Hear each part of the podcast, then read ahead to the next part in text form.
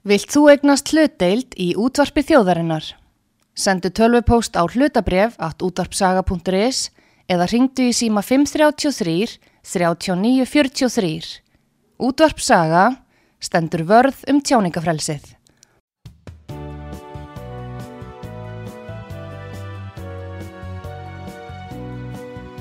Síðdeðis útvarpið á útvarpisögu í umsjón Arnþróðar Karlsdóttur.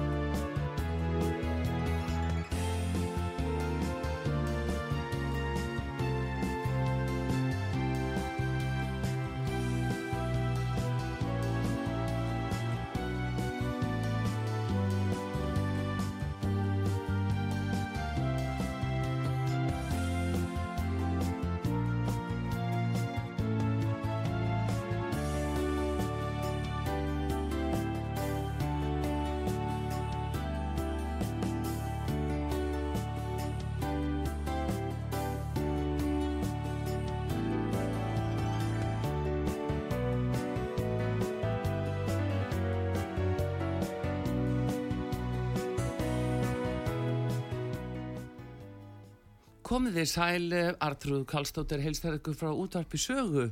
Ég ætla að ræða um kristni og kristna trú, hvað er að vera kristin og hvort að það sé einhvers konar afsýðin í gangi, nú ofsóknir gegn kristnu fólki og hvernig hefur tiltekist og aflegginga þess að við séum jafnvel að sinna þessari trú minna heldur en áður var gert.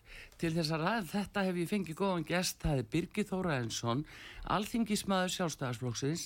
Hann er líka jafnframt guðfræðingur og hefur skoðað þessi málu ljómandi vel. En góðan dag Birgir. Já, góðan daginn. Og velkomin á sögu. Já, takk fyrir það. Þetta er uh, náttúrulega mjög áhugavert efni sem við ætlum að ræða í dag. Já. En uh, það er að fara vít og breytt um sviðið en ég ætla alltaf aðeins að byrja á því að koma svona inn á það bara hvaða er að vera kristinn og, uh, og svo kemur kannski svona aðeins inn á kirkjustarfi og þjóðkirkjuna sem er náttúrulega staðista trúfélagið á Íslandi. Og, og síðan er einmitt áhugavert að koma aðeins inn á ofsókningja kristnum sem er því miður staðrind í heiminum. Já, og við vitum jáfnvel eh, lítið um það í sjálfur sér. Já, það er eitthvað það er... sem hefur ekkert verið mikið umræðinni Nei við kom, komum að því hérna eins og eftir Já. en, en, mað, en maður kannski byrjar aðeins á því svona að fara yfir þetta hvaða er að vera kristin að þá, þá er það nú fyrst og fremst kannski bara muna eftir Guði að, að Guði með okkur í blíðu og stríðu Já. og trúin er í raun og veru svona djúft hugtak og henni fylgir líka ákveðin leindardómur Já. og hún er þitt eigið svona persónlega samband við æðri máttavöld og persónlegt samband við Guð. Nú, margir finna fyrir stuðningi og huggun í trúni í þeim öldudal sem að lífið er stundum. En að trú er, er, er kannski ekki fullkomi líf en það er lifandi líf og það er, það er svona hugsandi líf og það líf sem býður okkur svona nýja valkosti við hvert fótmál þannig að þetta er spennandi. En til þess að vera kristin þá þarf maður að trúa maður að trúa því að trúa á Guð og trúa því að biblíans er orguðs og við þurfum að rækta trúna og og það gerum við í bæninni og síðan er mikilvægt að eiga þetta trúalega samfélag sem er, sem er kirkjan. En sérstaklega í trúni þá erum við sérstaklega að leita eftir svona leiðbenningum í lífinu og, og það má ég raun segja að trúin sé eins konar svona stýri kerfi manns andans, ef við getum orðað að þannig. En uh, trúin og kirkjan, hún sérstaklega uh, kemur fólki betri skilning um að hamingjan og, og þjáningin er hluti af velferð vegferð hvers manns og það má færa rauk fyrir því að trúin hafi leikið líki hlutverki að móta það fyrirmynda þjófélag sem við búum við á Íslandi í dag. Já. Og eins og við öll veitum þá er Ísland kristiland og það var alþingi sem samþýtti þá sínum tíma að kristni skildi lögtekin árið þúsund þannig að við eigum rúmlega þúsund ára sögu kristni mm. í landinu og, og, og þannig er kristin kristnin trú, samofinn menningunni og hefðinni og, og vennjum í, í sögu Íslands. Þannig að hún er okkur mjög mikilvæg og uh, en við tekjum það líka að Íslands þjóðfélag hefur tekið svona örum breytingum síðustu árin og, og þær breytingar endur speklast meðalans í viðhorfi til trúabræða.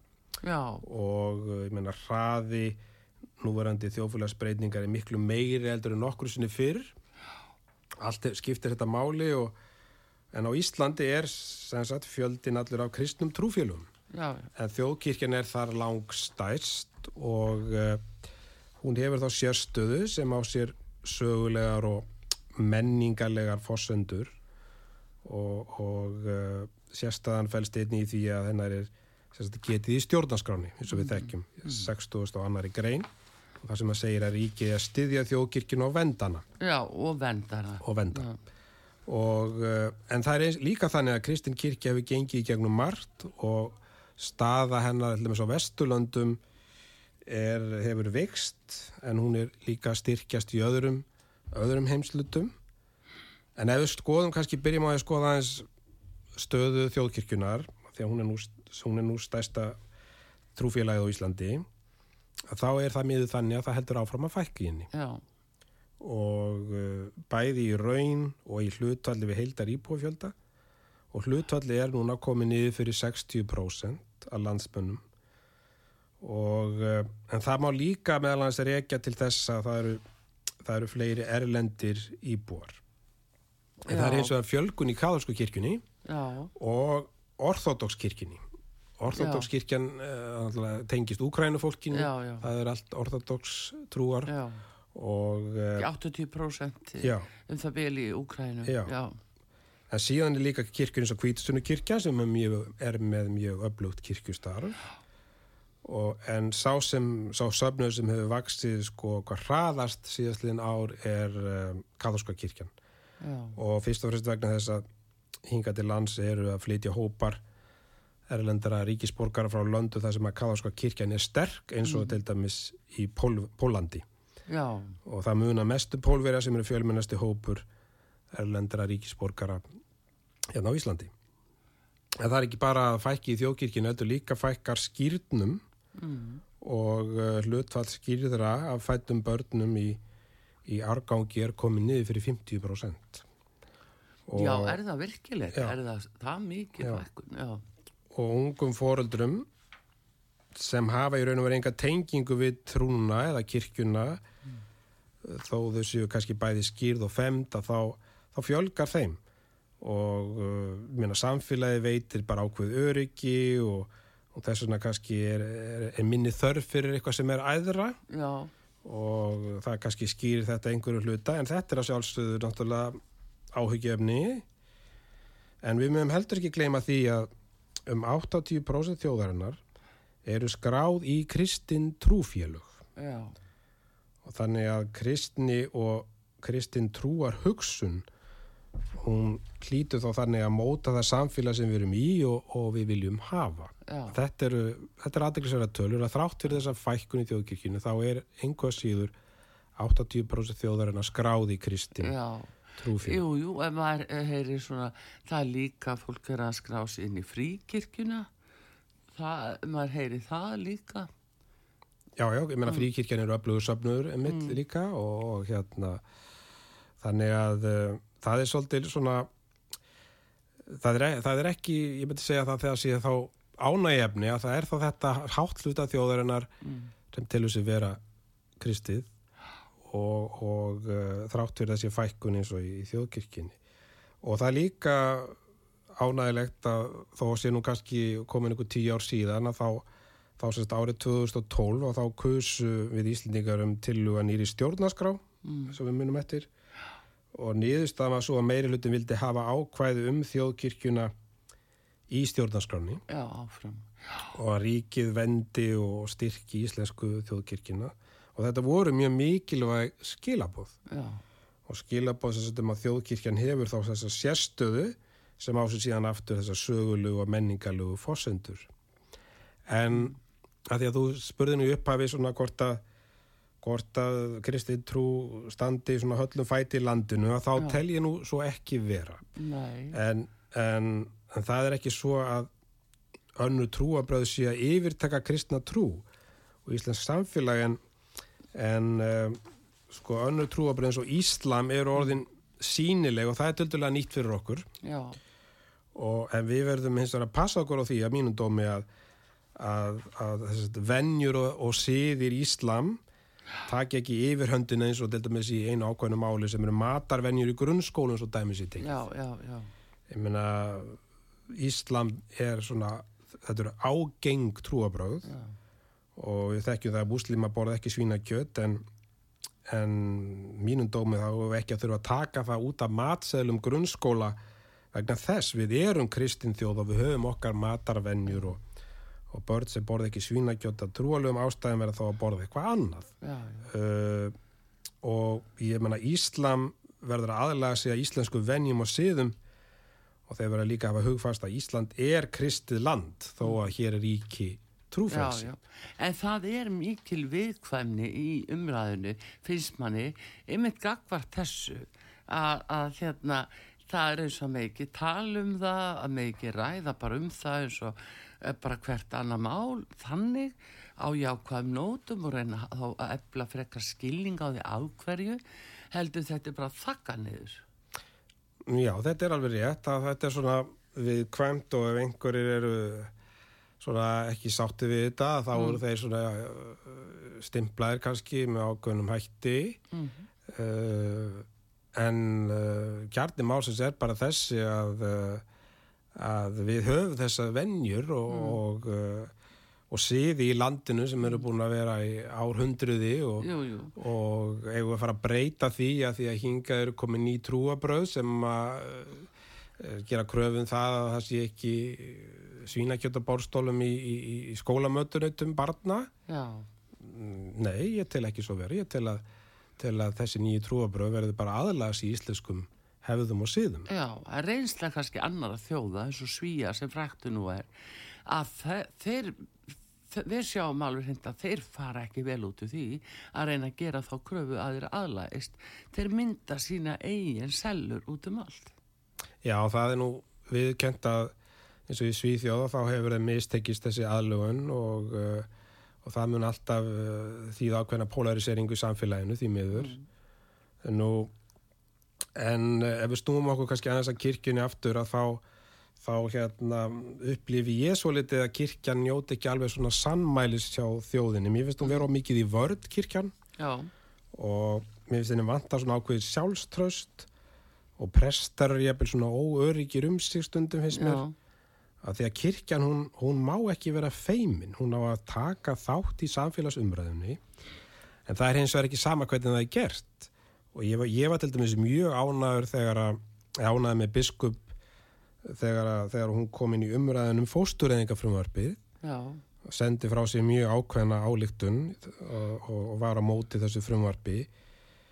Uh, þetta er nú vist kallað þungunarof núna. Já, já, uh, ég veit ekki hvaðan þetta hugtak er komið eða hverju höfundurinn að því en, en mér finnst það svona að vera að reyna að færa það í betri búning sem er raunverulega er að gerast alltaf já sem er náttúrulega bara mjög dapulegt Jú, við sjáum þetta mörgum, á mörgum sviðum. En e- einmitt þetta hérna uh, Birgir að þegar þú talar um þetta þá sko, þá er hægt að líta fram hjá því að það var ákvörðun alþingis frá árinu 2008 þegar að, eh, þáverandi mentamálar á þeirra Þorgerðu Katrín Gunnarsdóttir og var þá varaformaður sjálfstæðisflóksis vel og minnst, þetta var rétt fyrir raun þá uh, sam, fær hún það samþygt að uh, kristnifræði kjensla fari út úr skólum. Já, og síðan kom það til framkvæmdar þegar að núverandi fórsættisráð þeirra eru mentamálar á þeirra árið 2013 og þar með er bara allt í einu slegin einhver strengur sem er sagt þetta má ekki kenna í íslensku skólum. Hvaða eftirgjöf var það? uh, þetta er nú mjög sérstakt mál. Þetta tengist máli sem uh, á uppafsitt til Noregs þar sem að Európuráðið gerði aðtósemdir í þá veru að, uh, að þetta væri ekki sagt að kenna, öðun, að kenna þessi trúabröð væri samræmtist ekki hugmyndafræði þess og normenn tóku þetta svolítið bókstælega uh, og við Íslendingar fórum að, að reyna að vera að horfa til þessa sem var algjör óþarfi. Og uh, þar með er þetta flutt þetta frumvar sem þá var þetta mentarar málar á þeirra gerði. Uh, ég tel þetta að hafa verið algjör mistök og, og uh, ég verið að segja svo er að, að uh, það að stíga þetta skrefa þá finnst mér svolítið eins og alþingi hafi brugðist kristnin í landinu. Já, sjáðu stjórnarskána, við erum aftur, við erum bara þar Já, já, að þetta er okkar trú. já. Hvernig dettur allting í huga að gera þetta? Þetta var sem sagt þarna með þessari ákvörðin eða þessar, þessum lögum Mm. að þá er sem sagt uh, hægt að kenna kristnifræði sem sérstakt fag Já, og uh, tekin upp trúabræða fræði. já, Ég ætla að koma aðeins betur aðeins og eftir og mér langar aðeins að, að hérna, halda aðeins áfram með það sem ég var að tala um þegar að uh, mikilvæg þess að kirkjan taki þátt í samfélagsumræðinni. Uh, það finnst mér núna ekki hafa gert nógu mikið af. En eins og ég sagði á þann að þá er ekki sama hvernig það er gert. Og ég var þess að ánað með biskup í fósturlengafrumvarpinu eins og ég sagði en mér fannst þess að vera algjör afleikur þegar að eitt sóknaprestur reðist harkalega á fósættisra á síðasta ári og dæmdi heilan stjórnmálaflokk til helvítis vistar eða hvaða var sko Já. út af útlendingamálum. Og fósættisra hefur bara sínt það í verki að henni þykir vænt um kirkjuna og hún átti þetta alls ekki skilið og, og, og ég veit að hún tók þetta næri sér. Og það má ekki gleyma því undir fórestu fórsættisráðara þá var því svo kallega kirkjujarðarsamkomulag já, endunýjað og það er samningur millir ríkis og kirkju sem í kirkjunni ákálega mikilvægur já. en F- Í fjárháslu uskinni. í fjárháslu Já. skyni og, uh, og sérstaklega hérna, söfnunum á landsbyðinni Mm Nú, en ég er þeirra skoðun að sko að stærsta vandamál þjóðkirkina liggi í raun og veri hjá starfsfólkinu sjálfu og, og sérkver sem er svona upptekin að sjálfum sér og ímynd sinni uh, ef allur tíminn fer í það en ekki því sem hann á að standa fyrir að þá eru við komnir á, á óheilla braut. Mm. og það er þannig fólk sem starfar í kirkjunni en kirkjan á að vanda sig þegar hún velur fólk til starfa. Mér finnst það mjög mikið aðri og uh, en ég veit sem sem áður inn að þjóðkirkjuna eru náttúrulega uh, margt framúskarandi fólk. Já, já, en, en skona, svona, ef við horfum aðeins til kirkjunar þá finnst mér svona mesta ógnin sem að stæðjar að kirkjunu raun og veru felast í, í, í því að, að hún eigi hætt á því að týna svona sinni sjálfsmynd og reyna að réttlæta tilvist sína út frá öðrum fórsöndum og, og starfsáherslum en þeim sem byggja raun og veru á hlutverki hennar sem kristins trúfélags. já, já, eins og þú ert að rekja og hefur alltaf verið hér eða þar að segja eh, eins og við þekkjum núlefandi eh, fólk allavega að við þekkjum þetta og skiljum ekki allt inn þessum breytingum. Þú tala líka um að kirkja sér í vörn og út af hverju allum sér í vörn. Hefur þið velt því fyrir þeir, Birgir? Það er sko kirkja fyrir vörn af því það gerist eitthvað sem þau þurfa að svara fyrir.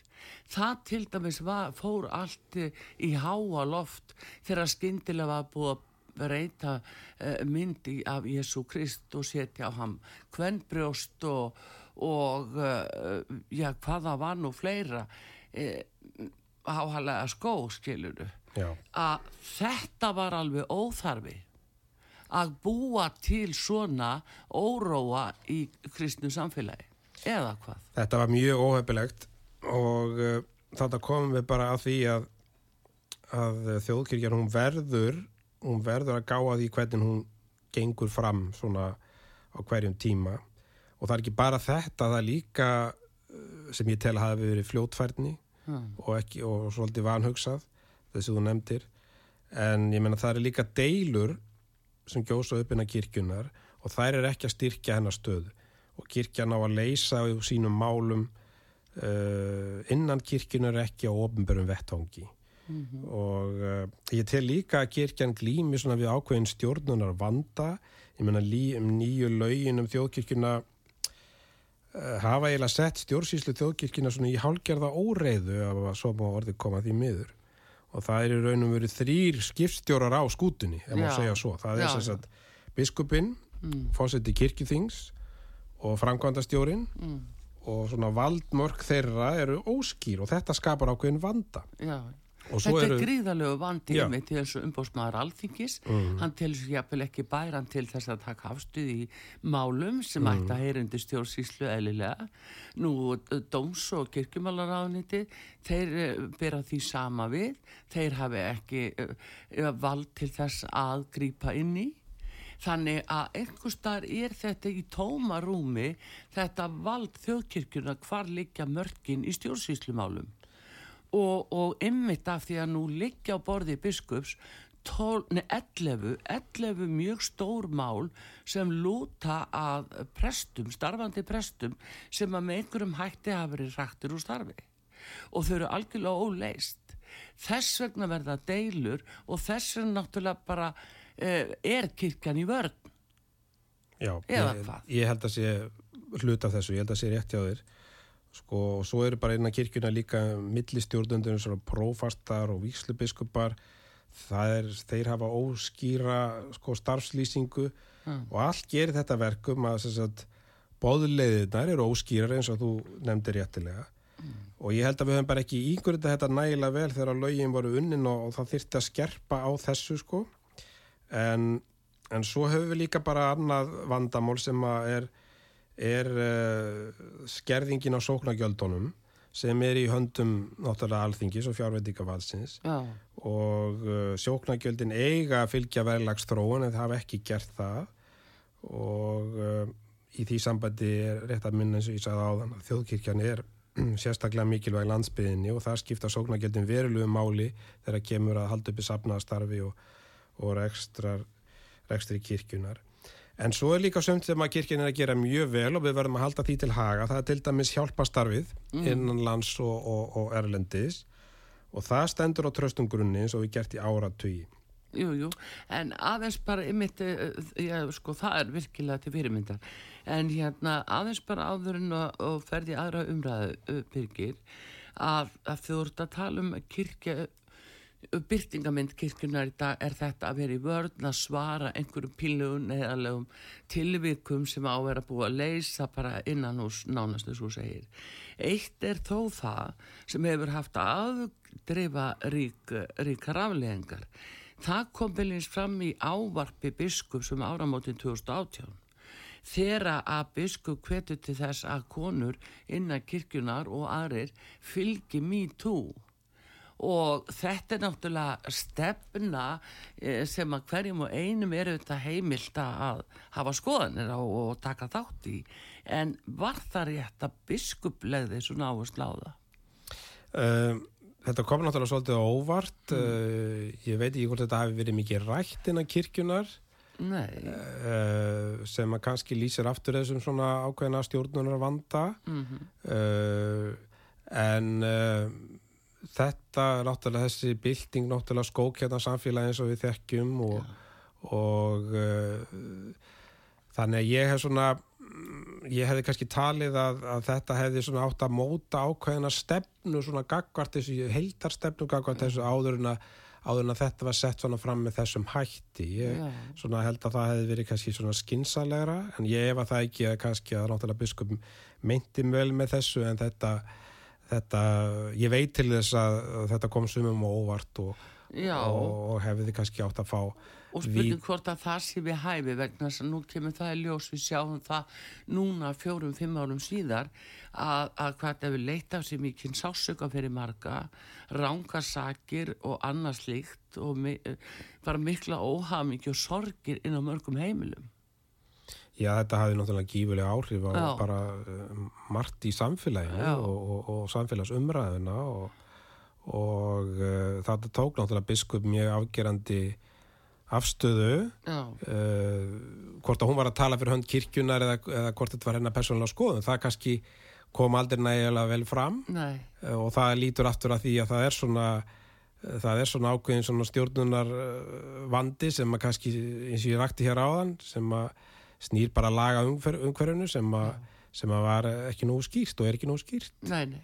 en, Og einmitt þetta laga um hvernig þú talar um, uh, Birgir, það gerir það að verkum í raun og veru að alþingi eða ráþerar, uh, þeir geta mjög illa skipt sér af.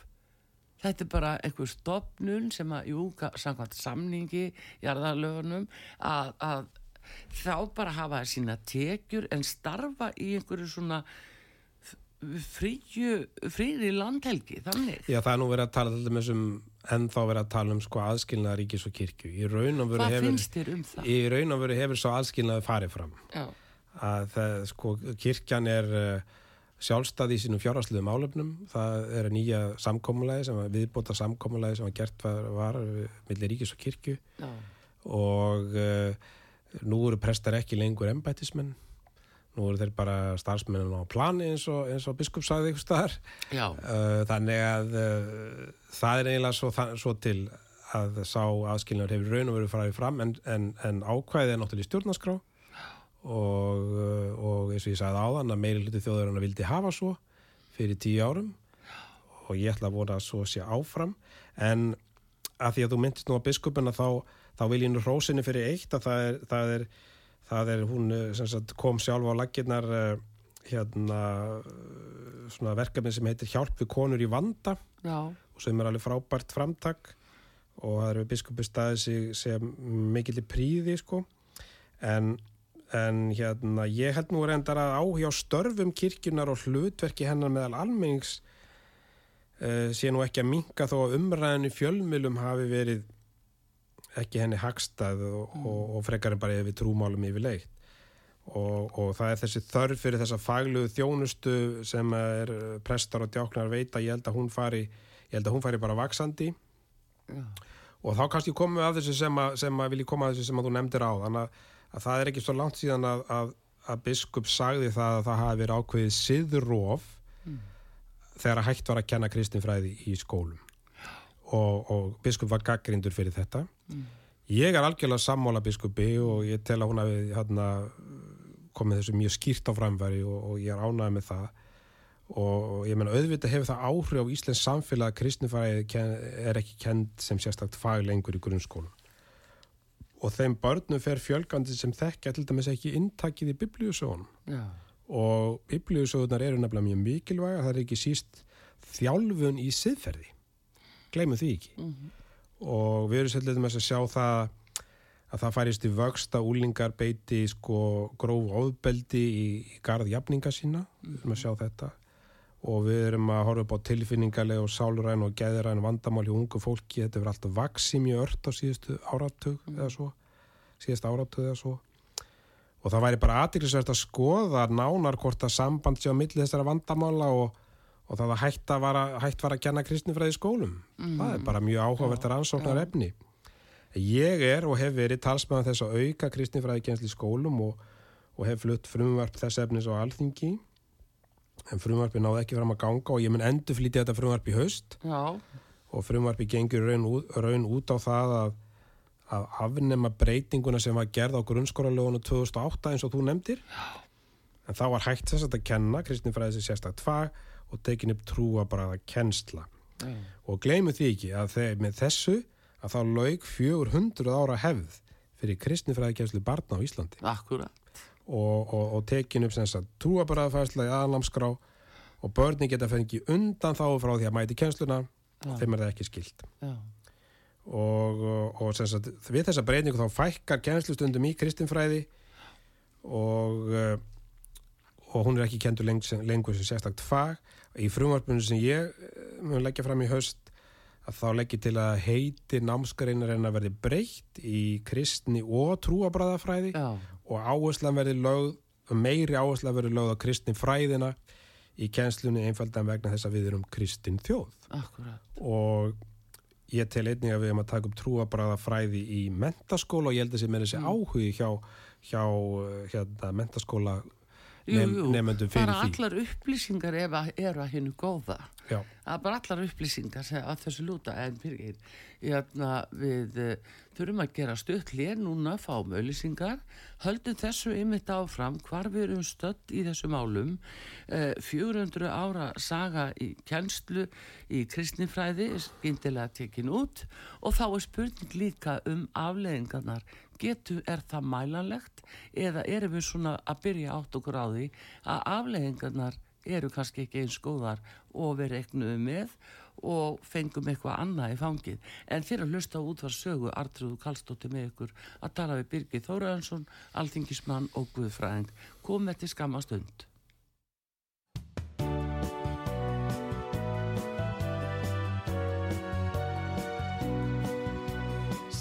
útvarpið á útvarpisögu í umsjón Arnþróðar Karlsdóttur.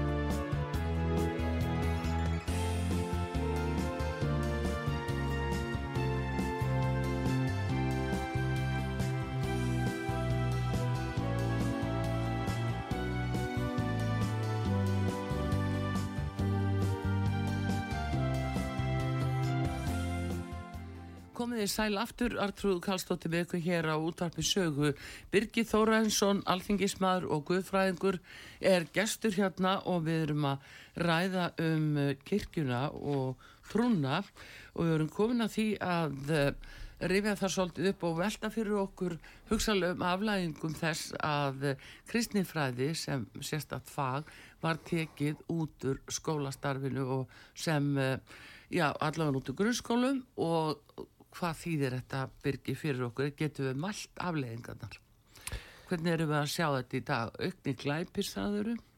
Já, ég menna það er uh, eins og ég sagði áðan að við erum bara sjá fréttir því að það er að aukast uh, bara gróft ofbeldi meðal úlinga í, í garð sinna jafningja. Og það er að stástum mikið mikið áhyggju efni sko það eru mörg börn í samfélaginu dag sem að þekkja ekki til þessi biblíusöðunar eins og ég kom inn á þann ja. en þær eru kannski fyrst og fremst mikilvæg vegna þess að það eru þær eru í raun og veru bara kennsla í, í, í siðferði þjálfun í siðferði og hvernig þú átt að koma fram við náungan og svo mm. framviðis minna miskunnsami samverinn þetta dæmi sagan sem dæmi og uh, það er nú bara eins og þannig með blessu börnin að ef þau nema þessa þætti þegar þau eru unga þá svona situr það svolítið í þeim mm. og, og hérna og ég, ég held að það sé bara mjög áhugavert rannsóknar efni ja. að, að uh, þarf það rannsaka alla að skapa hluti í dag félagsfræðingar og svo framvegis að skoða þessa hluti biskup sagði eins og ég segi eins og við komum inn á þann að það hefur verið ákveðið síðróf ja. þegar þessi breytingi gerð og, og ég bara tek undir það með biskupi og, og mér fannst alveg ótrúlega hvað var gaggrind fyrir þetta. Mm. mér fannst alveg ótrúlegt. Uh, en það kannski sýnir svona hvernig, hvernig við þóru stundum, getur stundum orðið og, og uh, það er bara þannig að kirkjan hefur svona þurft að sanna sig gegnum söguna og það er enna þann dag í dag og og hún er í ákveðinu vörn en hún þarf að snúa þessari vörn í sók Og, já, já. Og... En þá var þetta spurning líka um kjark til þess að standa á því. Standa á því og vera sínilegur á jákvæðum nótum. Eins og til dæmis nú fór þjóðin í gegnum mikið áfall sem var COVID. Mm. og fólk var inniloka það vissi ekkert sittir útkantir á það var jafnvel að missa vinnuna sína það vissi ekkert. Það þurfti huggun. Og íslenska þjóðin þarf líka áfallahjálp undir vissum kringustæðum sjáðu eins og núna og þú þekkir mjög vel. Sjáðu þess að verðborgu sem skyndilega byrtist okkur harri vextir, statt og stöðugt. Fólk sér jafnvel fram á að það sé að fara að missa eignir það sé ákveðin eigna upptaka bara eins og uh, eftir hrunið. Að fólk þarf hugun það þarf styrk. Hvar er kirkjan þarna? Já, þannig eru bara ómælt tækifæri fyrir kirkjuna mm. og, og, uh, og eins og ég segi, ég menna, það eru ákvæmna leiðir til, svona skinsalega allir sem ná þessu markmiði að, að vera meira sínileg, en gleimu því ekki að umhverju sem kirkjan er í er, er svona vissuleitu óvinn veitt kirkjunni, það er bara þannig. Og uh, við sem sagt þessi aðferðafræði sem að við þurfum þá að að, að framkvama, hún þarf að taka svolítið með að því. Og uh, hún á ekki einu sinni kirkjan þarf sko virka fleira fólk, hún þarf ekki einungis að virka sína þjóna heldur líka bara áhrifa fólk í samfélaginu mm. uh, sem vil varveita kristnidómin og, og grunnstóð Íslensk samfélags og vil að kirkjan sé til staðar og, og komi í þess að eins og þessa hugun sem þú nefndir réttilega mm. sem er svo sannarlega rétt hjá þér Þannig að við þurfum að styrkja þessa stöðu kirkjunar í íslensku samfélagi, ég er alveg á því og, og við eigum ekkert að vera hrætt við að segja það Nei, því að það, ef, er vilji, þá er vegur. já, Það vitum við. Þannig að þetta er orðið rosalega mikið spurningum vilja frá þjóðkirkjunni. ég held að sé alveg örugt að, sko, að kirkjan þarf að efla þjónustuna við þá sem minna mega sinni í þjóðfélaginu Mm. það er, það er fyrsta stóra skrefun sem hún þarf að strí, stíga þó vissulega sé hún að gera því gegnum aðstóð og svo framvegis heimilis aðstóð og svona að þá bara þarf hún að vera meira til staðar það, það þýrt til þess að bara opna safnaðar heimilinn og, og reyna, reyna að vera sýnir eða hvað það er.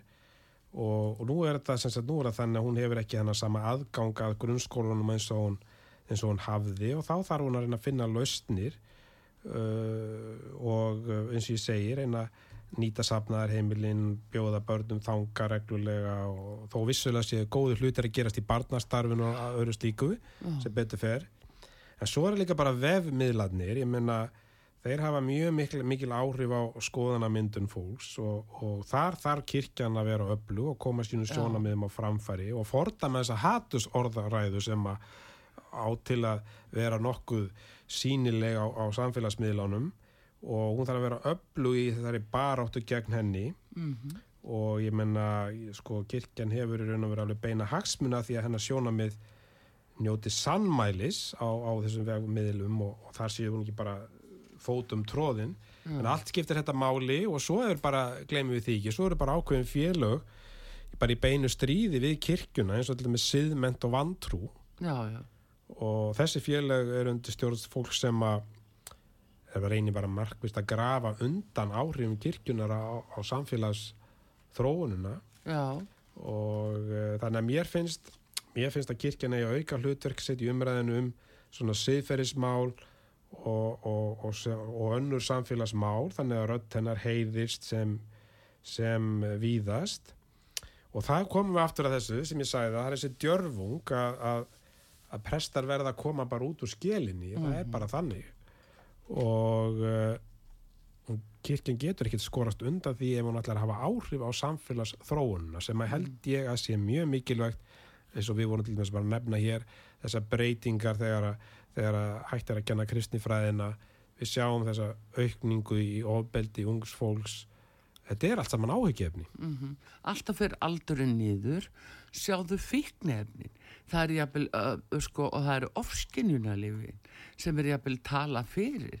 Það er sko, það er siðróf á mörgum sviðum í þjóðfélaginu sjáðu Birgir vegna að við vitum það að nú likur refsing við broti að það sem að er verið með sterku fíknefni það er engum afi en þá kemur allt í nú bara einhver hulin hönd sem segir já það er allt í lægi að þetta eru ofskinnir efni en þetta er samt LSD þetta er estasi þú veist þetta eru efni sem að, að liggur við refsing þetta er allt í ósamræmi. Hva, með örum orðum það eh, Birgir að manni líður svona eins og að sé vera að teima ungdómin inn á villigötur með hurðum og klukkum í raun og veru án þess að eiginlega fólk taki eftir því. Og, og þá aftur hvar er kirkjan og kristnin?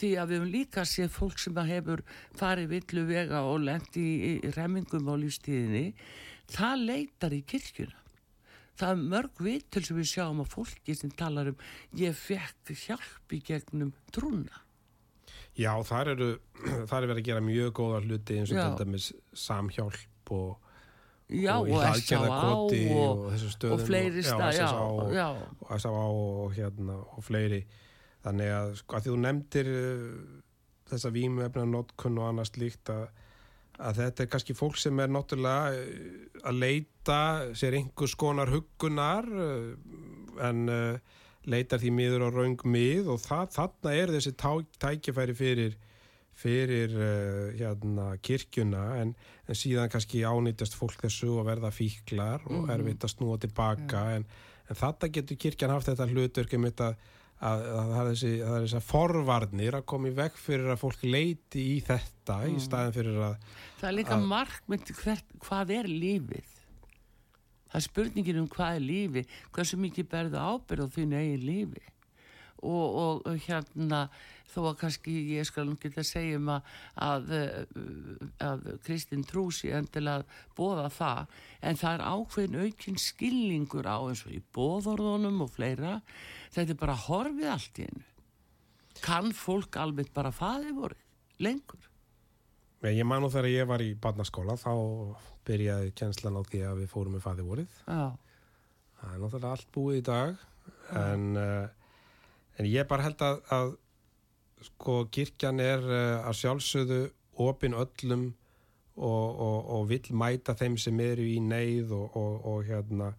En hún verður líka að uh, hún verður líka bara að horfa á í hvað umhverfi, umhverfi hún er orðin já, og uh, þannig að uh, þetta er svona uh, þetta er flókin veruleiki sem við lifum í dag og það er mikilvægt bara að kirkjan beiti þá kastljósuna þessum erfiðu siðferðismálum og þó er að standa með sannleikanum. Já, það er það er náttúrulega mjög mikilvægt.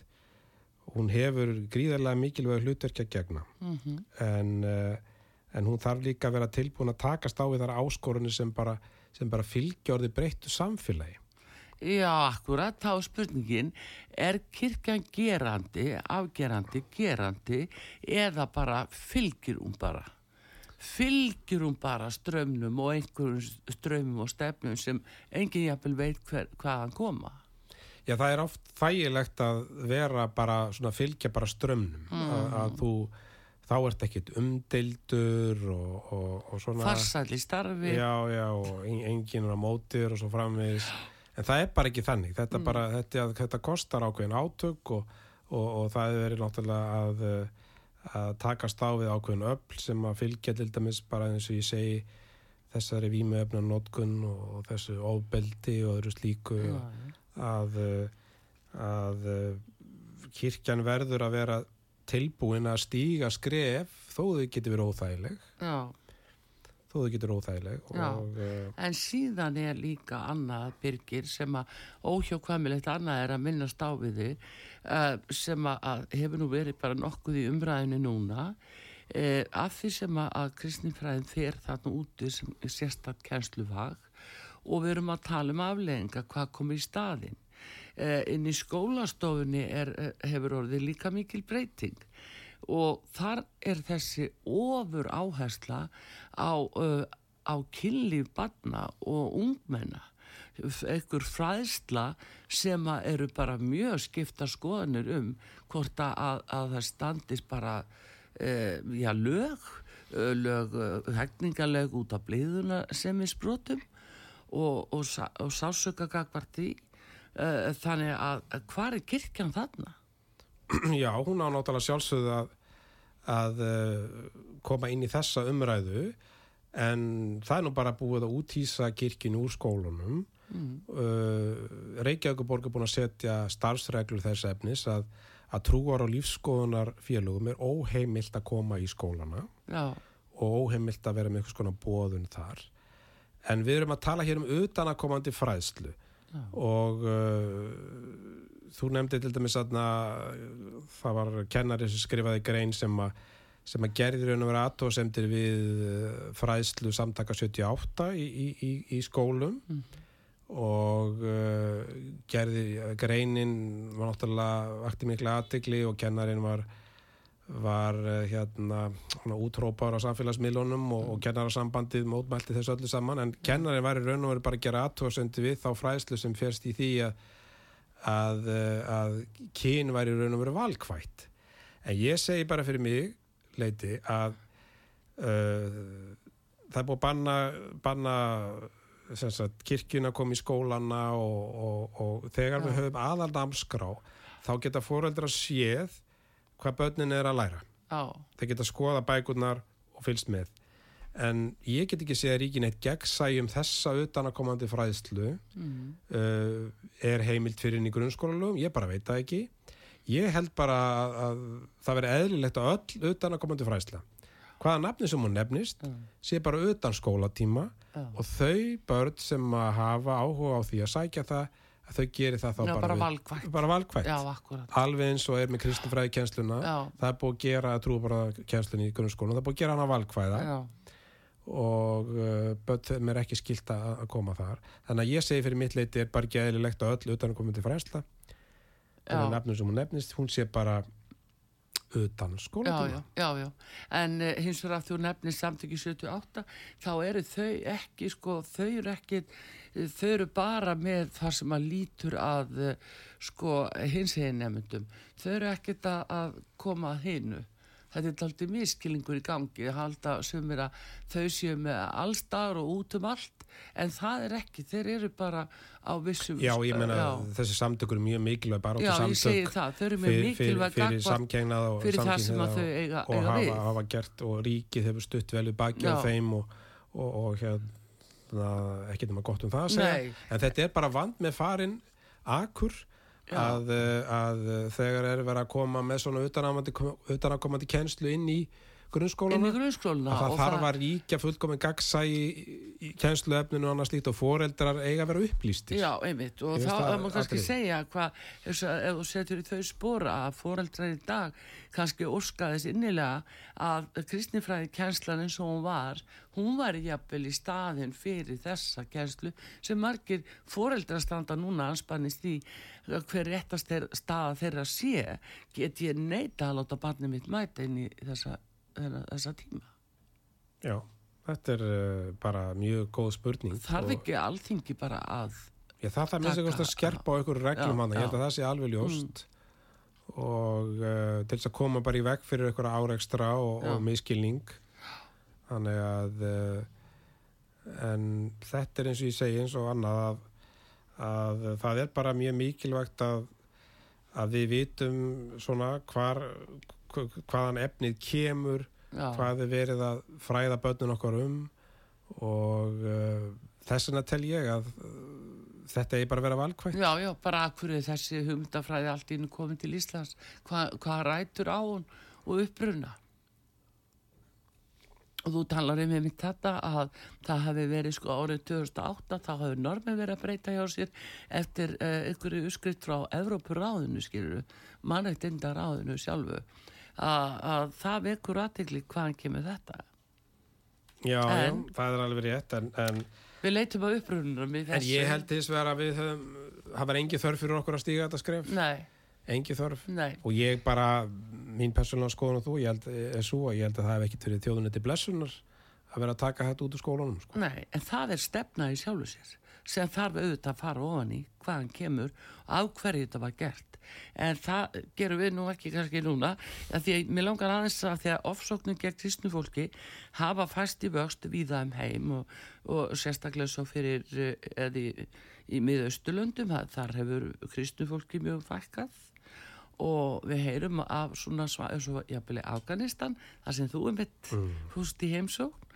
Og, og þar hefur verið, uh, verið ás, já bara ofsóknin gegn kristnu fólki.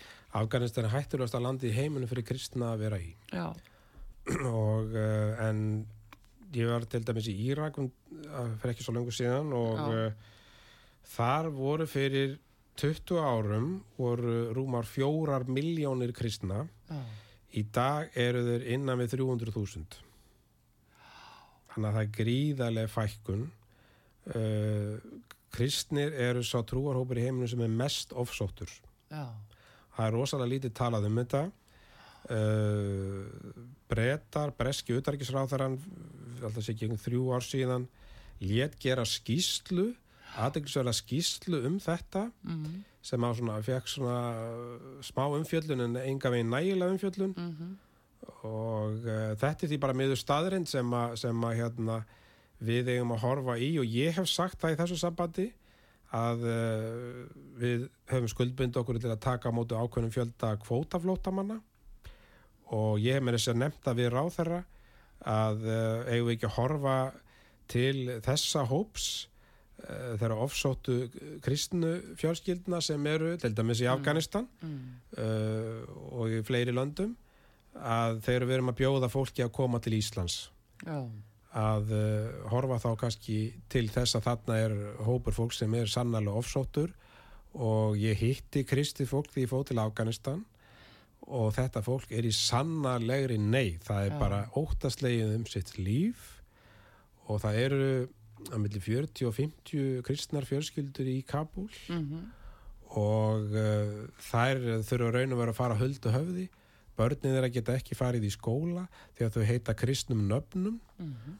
og uh, þannig að uh, hér er svo sannarlega verk að vinna að, uh, að reyna að koma til mósið það fólk sem er ofsótt vegna sinna trúar. Já, já, það er nú það sem er, en, en hvað svör fegstu sko ef ert að leita að skýringum á því hvert akkur við mögum ekki taka móti kristnu fólki hinga? Uh, Ég rætti þetta líka við formann flóttamannanemdar mm, og hún sagði nú að það væri nú svona ekki venjan að horfa til trúar uh, hérna fólks í þessum efnum. Já, en það er ekki rétt vegna þess að í skilgreiningunni á flóttamaður að þá er meðal annars vísa til trúar. Sætur ofsóknum í heimalandinu vegna trúar. Já, það fellur undir skilgreiningun á flóttamaður og fellur þar með undir það að Ísland á að bjóða þannig fólki til landsins höfum í huga kvót, með kvótaflóttamenn að við Ísland velur fólki sjálft já, já. sem kemur til já landsins líka um það kvótaflótamann Já, það, það, það er kvótaflóttamennina, Já. þá velja Íslendingar sjálfir, eða stjórnvöld Já. sjálfir þá sem það ætla að bjóða til landsins. Og um, ráð þeirra svo sem mm, bara tók ekki til í það að skoða þetta, en, en, en hérna, en svo bara þegar kemur að því að að uh, velja fólkið að þá er einhvern veginn eins og þetta bara gleymist. Já, því miður. það er nú það. Svona getur þetta nú bara allt saman verið Birgir, en, en hérna sjáum hvað setur og verður nú frólægt að fylgjast með þér í þessu máli ásamt fleiri menn á þinginu núna í, í vetur komandi. Uh, og hérna ég vil bara þakka að kella fyrir komuna og góður upplýsingar um þetta mál. Og takk fyrir að koma út á sögu. Birgir Þóraðansson, Guðfræðingur og Alþingismadur Artrúðu Karlsdóttir þakkar ykkur fyrir og tæknum maður Einar Karl Gunnarsson við hvaðjum að sinni verið sæl. Svo leiðist takk.